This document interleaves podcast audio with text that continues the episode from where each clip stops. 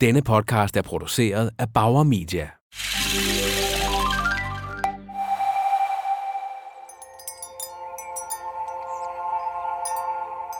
Jeg tænker på at være ude i solen og ligge med lukkede øjne og mærke solen lyse gennem mine øjenlåg. Jeg ser farver. Rød, gul, orange. De bevæger sig, flimrer og flyder sammen i former som øer eller lava. Og jeg tænker på, at sådan er det for det helt lille barn at se. Konturerne er utydelige. Jeg ved slet ikke, hvad det er, jeg ser, men betragter bare lyset, farverne, formerne. Og når jeg åbner øjnene, går der lige lidt tid, før konturerne bliver tydelige og adskiller tingene fra hinanden, så jeg kan se almindeligt igen.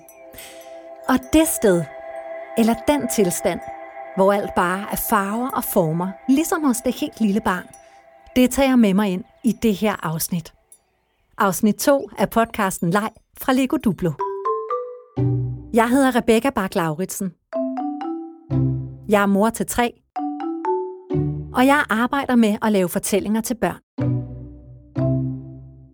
Mit udgangspunkt for de fortællinger er typisk noget, jeg kan huske fra da jeg selv var barn. Nogle af de mest sanselige minder, jeg har, handler ikke rigtig om noget.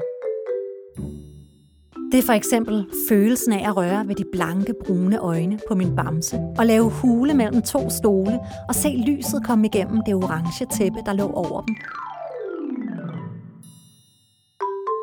Og at få klodserne ned gennem hullerne i låget på min lille legespand.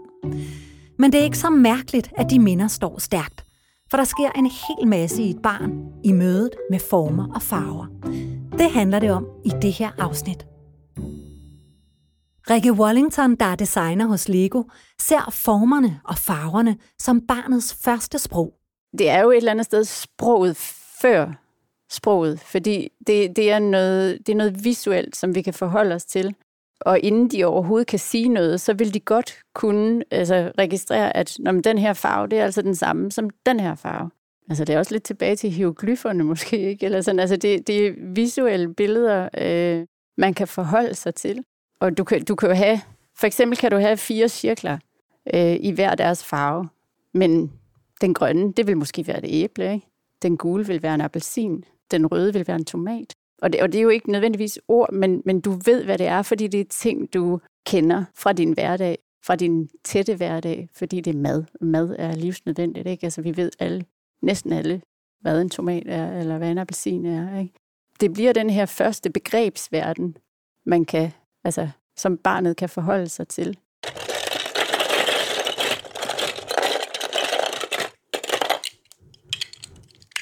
Nu er jeg den voksne her, så nu, nu, har, nu, har, jeg, nu har jeg bygget et æble. Rikke, når vi nu snakker om former og farver, har du så en god leg til mig?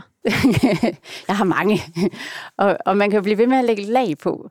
Øhm, så nu kan jeg sige, vi kan jo starte med, altså, vi kan også bare starte med at sige, jamen, nu, nu har jeg, nu, nu er jeg den voksne, så nu har jeg bygget, nu har jeg bygget en, en rund ting, en cirkel. Og det, det er faktisk meget godt at bruge de rigtige ord om, mm. om tingene til børnene, selvom de er helt små, og sige, at det her det er en cirkel. Ikke? Øhm, fordi de, de kan faktisk godt lære ret svære ord ret hurtigt.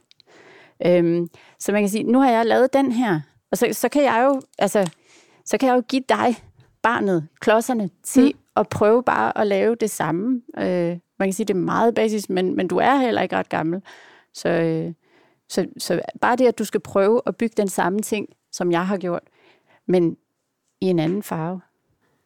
Så jeg, skal, jeg kigger ligesom på den grønne, du har lavet af, sådan, af fire klodser, og så skal jeg prøve at kunne, ja.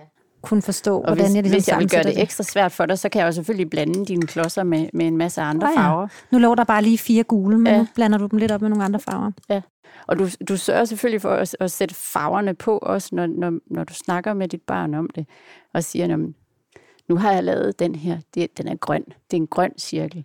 Øh, nu får du de gule klodser, så kan du lave en gul cirkel. Altså man kan godt blive fristet til at, at sætte en anden farve ind, for børn er faktisk ikke så, så øh, nødvendigvis så interesseret i, at det hele skal være afstemt farvemæssigt. De kan godt bare bygge altså multicolor, og det er også rigtig flot. Øh. Men hvad er det gode så ved, ligesom at holde fast i, lad os prøve at, at bygge den i en farve. Det, det er jo så, kan man sige, at, at du, du lærer at kategorisere. Øhm, og, og man kan sige, er det, er det at kategorisere, det kan godt være en ret vigtig del af, af hele din læring, i hele din opvækst faktisk, og hele din evne til at lære, fordi øhm, hvis du ikke er i stand til at kategorisere, så, så, øhm, så ser du verden meget detaljeret. Øh, og, og det tror jeg faktisk, der er mange, der gør. Øhm, men og, og, og så, øh, så bliver det for meget. Så får du for mange indtryk, hvis du hele tiden, øh, hvad skal man sige, ser tingene meget, som de er, og meget detaljeret. Verden er overvældende og kompliceret for det lille barn, der slår øjnene op første gang. Men Osman Kengo, der er udviklingspsykolog, fortæller, hvordan vi kan hjælpe med at gøre verden mere enkel og overskuelig. Når barnet kommer til verden, så, så skal det til at lære om alle mulige netop former og farver, og alle mulige forskellige variationer af, hvordan ting i verden kan se ud. Og de kan jo se ud på rigtig, rigtig mange forskellige måder. Hvis man skal forsimple det, det her med form og farver så meget som muligt for børn, så vil det faktisk være ved, at man har nogle øh, relativt enkle geometriske figurer, for eksempel. Altså en firkant er, er meget mere enkel øh, at opfatte end en blomst, for eksempel. Og, og det samme øh, med farverne. Altså en, en ensfarvet genstand er nemmere at forholde sig til for det helt lille barn, end en genstand, der har rigtig, rigtig mange forskellige farver, eller et lidt vildt avanceret overflademønster, eller sådan. Så når vi ofte har en tendens til at, øh, at putte de her meget enkle stykke legetøj i, i, i hænderne på, på helt små børn, så har det noget at gøre med, at det faktisk er noget af det, de, de bedst kan forholde sig til, og nogle af de objekter, som de nemmest kan skelne imellem. Øh, uanset om det er noget, vi, har, vi gør bevidst eller ej, jamen, så er det faktisk rigtig smart i forhold til, til barnets helt tidlige udvikling. Sådan en lidt forenklet udgave af verden? En eller? lidt forenklet udgave af verden, ja, så, hvor, øh, hvor, hvor det bliver nemmere for barnet og, og allerede der begynde at skelne mellem nogle af de her forskellige øh, egenskaber, eller features kalder man det på engelsk. Ikke? Altså, hvis man har en rød klods og en blå klods, så er det relativt enkelt at få øje på den farveforskel, der er versus hvis du har et, en, øh, en, en, øh, en slags blomst og en anden slags blomst, så er der alle mulige forskellige ting, der adskiller sig. De der blomster mellem, det kan være størrelsen, det kan være, hvordan de dufter, What? det kan være, øh, hvor mange kronblade der er. Altså det, det, allerede bliver det jo vildt avanceret øh, at skulle skælne i virkeligheden og finde ud af, hvad er egentlig det ene og hvad er det andet. Så der forenkler vi tingene, så det bliver nemmere at komme i gang med det her med at se forskel på farver for eksempel, eller eller blive klog på, øh, jamen, hvordan er, øh, altså hvad, hvad kan sådan en størrelse? Hvad, hvad, hvad, hvad sker der, hvis jeg vender den på højkant? Hvad sker der, hvis jeg... Hvordan er det, det er med det lille barn, altså i forhold til alder, og sådan, hvornår, hvornår er det, det helt har styr på farver og former, altså hvad, hvad kan det ligesom... Ja, altså det, det kan egentlig allerede skelne mellem farver helt fra fødslen, men, men ikke lige så godt, som vi kan som, som voksne. Okay. Øh, og det gælder både det her med farverne, men faktisk så ser det lille barn heller ikke lige så skarpt, som vi gør som, som voksne. Et barn skal faktisk være helt op til fire år gammel, før det får et lige så skarpt syn som en voksen. Efter et år er det allerede rimelig godt, mm. øh, men som nyfødt, der ser de faktisk øh, relativt dårligt. Så selv mors ansigt hen over barnet vil stå øh, lidt uskarpt, hvilket sikkert også er en af grundene til, at vi har en tendens til at være meget overdreven i vores mimik, når vi er sammen med helt små børn. Ikke? Det gælder både vores stemmeføring, øh, og det har jo så igen noget at gøre med det her med, hvordan vi opfatter sprog, øh, men også vores mimik. Så, så, så den mimik, vi bruger med helt små børn, hvis vi gjorde det over for voksne på samme måde, så ville de måske lige blive forskrækket og træde et par skridt væk, ikke? fordi så ville de virke øh, helt skørt eller overdrevet, eller måske endda næsten truende, ikke? hvis jeg hvis jeg spærrer øjnene op. Du laver meget store øjne. Ja, ja, jeg laver meget store øjne lige nu. Det er svært at tale om det, uden at komme til at eksemplificere det. Men du kan godt se, at du reagerer på det, ikke også? Og det ja. har noget at gøre med, at det, det er atypisk. Ja. Altså det vil jeg normalt ikke gøre, hvis ikke lige bare roligt, det vil jeg normalt ikke gøre. nu kan du slet ikke stoppe igen. mindre vi så har snakket om det på den her måde. Ikke? Men mm. vi gør det automatisk over for små børn. Ja. Og det har simpelthen blandt andet noget at gøre med, at de, øh, at de ikke ser så godt. Mm. Og de derfor bliver nødt til at, øh, hvad skal man sige, at, blive mødt med øh, mere overdrevet mimik. Da jeg var lille, havde jeg en spand. Den var gennemsigtig og havde grønt låg, og så var der huller i låget i forskellige former og klodser, der passede til. Jeg elskede den spand. Hvis, hvis, vi, hvis vi prøver at bryde, bryde den opgave ned, kan man sige. Ikke? Lad os sige, at vi har sådan en eller anden rund, eller en rund øh, cylinderformet klods, og så har vi en klods, der er stjerneformet, tror jeg også nogle af de der er, som man kan putte ned i en spand. Ikke? Lige præcis. Øh, og der er også nogle andre former, nogle firkanter, trekanter osv. Så har du de her øh, huller i toppen af spanden, som jo har en bestemt form. hvis, hvis jeg tager og vender drejer sådan en stjerneformet klods, og, og vender og drejer den i hånden, øh, så skal jeg jo faktisk vende den i en helt bestemt vinkel, for at det ser ud på samme måde som den der åbning i spanden. Hvilket jo også hænger sammen med, at jeg kan ikke bare mase den ned i det der hul på alle mulige forskellige måder, den skal ned i spanden på den rigtige måde. Så det barnet i virkeligheden skal lære at forstå, det er, at der er en del af det, som udgør klodsens form, som tillader den at komme gennem et hul, der har den tilsvarende egenskab. Det er ret kompliceret i virkeligheden. Barnet tænker selvfølgelig ikke over det her øh, sådan øh, bevidst, men det er stadigvæk noget, som barnet øh, ved at sidde og prøve sig frem, og måske at se andre gøre det, begynder at få en fornemmelse for, at der er faktisk en egenskab ved den her klods, og en egenskab ved det her hul, der gør, at det på en eller anden måde er et match, så man lige præcis kan få, få den klods ned gennem det hul. Rimelig sejt i virkeligheden, hvis man, at et lille barn kan gøre det, når man sådan prøver at bryde det ned i, hvad er det egentlig, der skal til, for at vi kan gøre det. Hullet er jo ikke en klods. Det er jo ikke sådan, at man bare tager to ens genstande og sætter dem hen i nærheden af hinanden, og så siger man, hey, match det, det er faktisk relativt kompliceret, det man beder barnet om at gøre. Ikke? Så, så det jo hjælper barnet til at begynde at tænke mere abstrakt omkring det her med, med former. Hvad kan man sige om, når, når ens eget barn knækker den kode, eller hvad jeg skal kalde det, altså begynder rent faktisk at kunne få de rigtige klodser ned i de rigtige huller. Ja. Kan, det, kan det fortælle en noget om, hvor ens barn så ligesom er i sin udvikling? Det kan det godt. Jeg tror, jeg vil passe på med at sige, at man skulle lægge så meget i det. Altså det siger noget om, hvor barnet er lige præcis med den egenskab, men det er ikke sådan noget, man skulle være bange for øh, som forældre, at øh, nu kan mit barn ikke øh, få stjernen ned i hullet der, og det kan, øh, det kan min, min gode venindes barn, altså på samme alder ikke. Øh, der, der er kæmpestor individuel variation. Og det har ikke noget at gøre med, hvor dumme eller smarte børn er som sådan. Det har noget at gøre med, at man kan lære de her ting med meget forskellige rækkefølge. Så det kan være, at, at der er et barn, der lige har rigtig meget erfaring med, med de her klodser. Og det kan være, det, det kan have noget med held at gøre, at det lige faktisk første gang, det her barn havde den her klods i hånden, så, så var der lige et match. Mega fedt, ikke? Og så, og så fortsatte det egentlig bare, øh, og der kan det godt være, at det statistisk set, så var det første gang nummer 15, det næste barn prøvede, og så kan det faktisk være svært at finde ud af, hvad er det, hvorfor lykkes det, eller hvorfor lykkes mm. det ikke, og så videre. Ikke? Så ja, altså man kan sige noget om, at når, når det lykkes for barnet, og især når det lykkes mere end en gang, sådan det ikke er rent tilfældigt, ikke? Jamen så, så har barnet nok lært noget, men, men, øh, men man skal ikke lægge så meget i præcis, hvornår det enkelte barn lærer det, øh, i forhold til, om de nu er med eller ej. Jeg tænkte virkelig heller ikke på det som sådan en præstation, altså sådan, mm. hvad kan mit barn i forhold til et andet barn? Jeg tænkte mere på, at om den, det at ligesom at have knækket den kode, om det fortæller et eller andet andet om, at nu øh, er der et eller andet med nogle abstraktioner, som mit barn er begyndt at tage fat på, eller... Ja, Jamen det vil det være. Altså det, der, der vil barnet netop begynde at få fat på det her med, at der er øh, forskellige egenskaber ved det samme objekt, øh, og at en af sådan nogle egenskaber for eksempel kan være, hvad det er for nogle huller, man kan, man kan presse det objekt igennem. Øh, en anden egenskab er, øh, om det går ondt i tænderne, hvis man bider i det, eller om det laver mærker i bordet, hvis man altså, banker det ned. Altså, der er mange egenskaber, som kan være interessant for et barn at udforske. Ikke? Farven er en egenskab selvfølgelig. Ikke? Øh, kan det stables oven på hinanden uden at vælge det er en egenskab. Der er masser af egenskaber.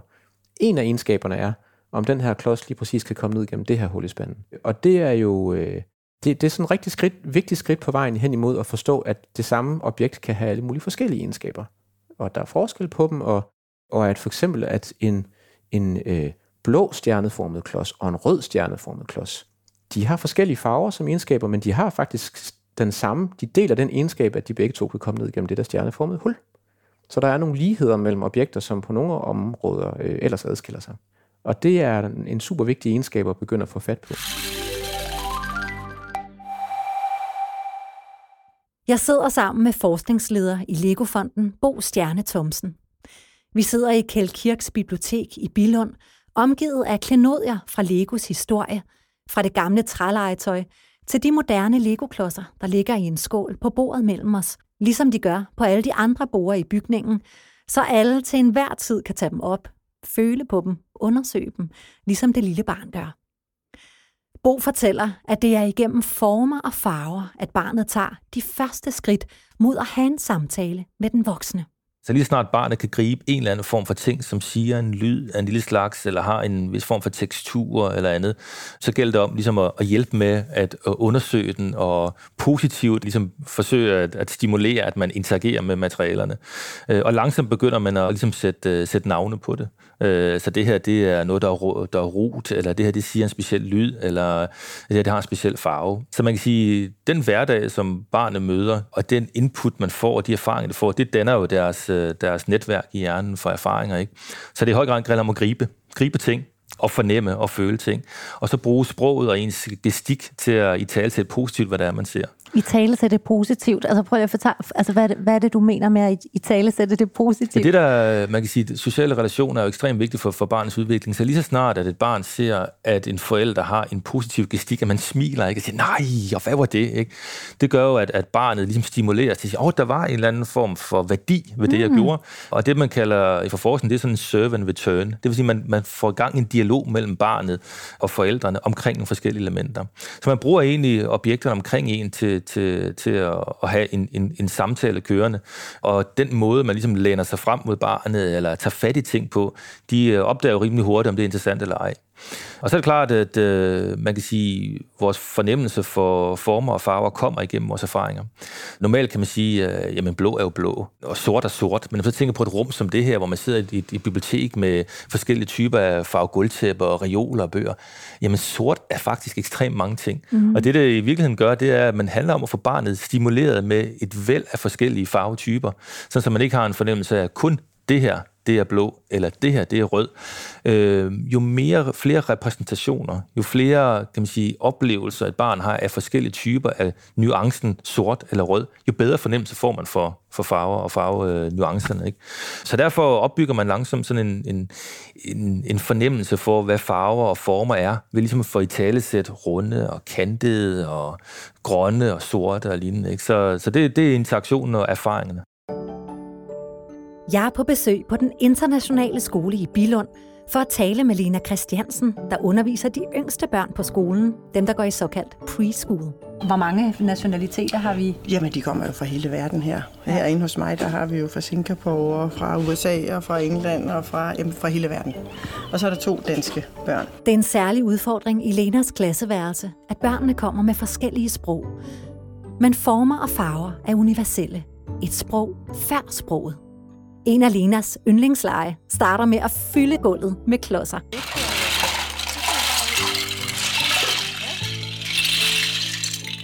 Den handler om at få børnene til at finde så mange forskellige farver som muligt. Hvis vi siger, at det er former og farver, det handler om, så, kan jeg også, så vælter jeg også det der ud på gulvet, og så beder jeg dem om at finde. Så siger jeg for eksempel, øh, nu skal vi se, hvor mange farver vi kan finde. Og øh, prøv at finde så mange farver I kan farve, forskellige farveklodser. Og så finder de selvfølgelig de der forskellige farveklodser. Altså, og så lægger man dem så op? Ja, eller? jeg lige have min sæd netop igen med det der. Ja. Jeg har fundet grøn ja. og gul og orange Så siger jeg, og rød. nu fordeler I jer bare rundt omkring, og I finder nogle forskellige farver. Brun, blå, Alle de farver, I kan finde. Hvad hvis der er flere forskellige slags lyserød? Eller er den her lille? Det er ikke noget. Det er ligesom du synes. Alt, hvad der ligesom er forskelligt? Ja. Gul, den har jeg. Jeg kan mærke, at jeg lige skal finjustere mit syn, for lyserød er jo ikke bare lyserød. Der er mange nuancer på gulvet af lys pink, mørk pink, den der klassiske candyfloss lyserøde, lyse lilla, mørke lilla, og det samme med de blå og de grønne. Men okay, det handler bare om at finde så meget forskelligt som muligt, så jeg ruder rundt på gulvet og har svært ved at have alle klodserne i hænderne. Så på et tidspunkt, så siger jeg hands off, og så ved de, så skal de slippe det, de har i hænderne. Det var en virkelig simpel leg, men det at vide, at den var på tid, fik alligevel min puls op. Og jeg skulle være fokuseret for at se ordentlig forskel på de mange nuancer af farverne. Her foregik den i et klasseværelse, men man kan jo sagtens lave den derhjemme, og med hvad som helst, så længe det er i farver. Lejen fik mig også til at tænke over det med det enkle, når man leger med sit lille barn. Ligesom det med at ligge i solen med lukkede øjne og mærke lyset ind gennem øjenlågene – og se de her udflydende former af farve, som ikke ligner noget, men som bare er flotte. På samme måde behøver lejen med det helt lille barn heller ikke altid at handle om så meget. Selve mødet med farve og form er noget i sig selv. Glæden ved gul, glæden ved orange, glæden ved en rund klods, glæden ved en stjerneformet. Jeg synes, det er noget af det fineste, når vi lader os smitte af vores lille barns glæde ved de helt små ting. Og den glæde smitter jo direkte tilbage på vores barn. Tak fordi du lyttede med i andet afsnit af podcasten Leg, hvor jeg lærte, at enkelt er godt, når det gælder helt små børn. Klare farver, simple former er godt for deres udvikling. At det er et stort øjeblik, når barnet forstår, at den stjerneformede klods og det stjerneformede hul er to forskellige ting, men passer sammen. Og at former og farver er en slags sprog før sproget. I næste afsnit kommer der ord på. Det handler om sprogets betydning allerede før fødslen, om hvordan børn lærer sprog, når de triller bold, og om barnehjernens helt særlige evne til at tilpasse sig det sprog, der tales netop der, hvor det fødes. Podcasten Leg er produceret for Lego Duplo af Bauer Media. Original musik og mix Rasmus Svinger. Klip Sonny Laudrup. Producer og redaktør Rune Born Schwartz. Mit navn er Rebecca bak lauritsen Hvis du kunne lide vores podcast, så gå endelig ind og giv den en rating i din podcast-app. Det hjælper andre med at finde frem til den. Tak fordi du lyttede med.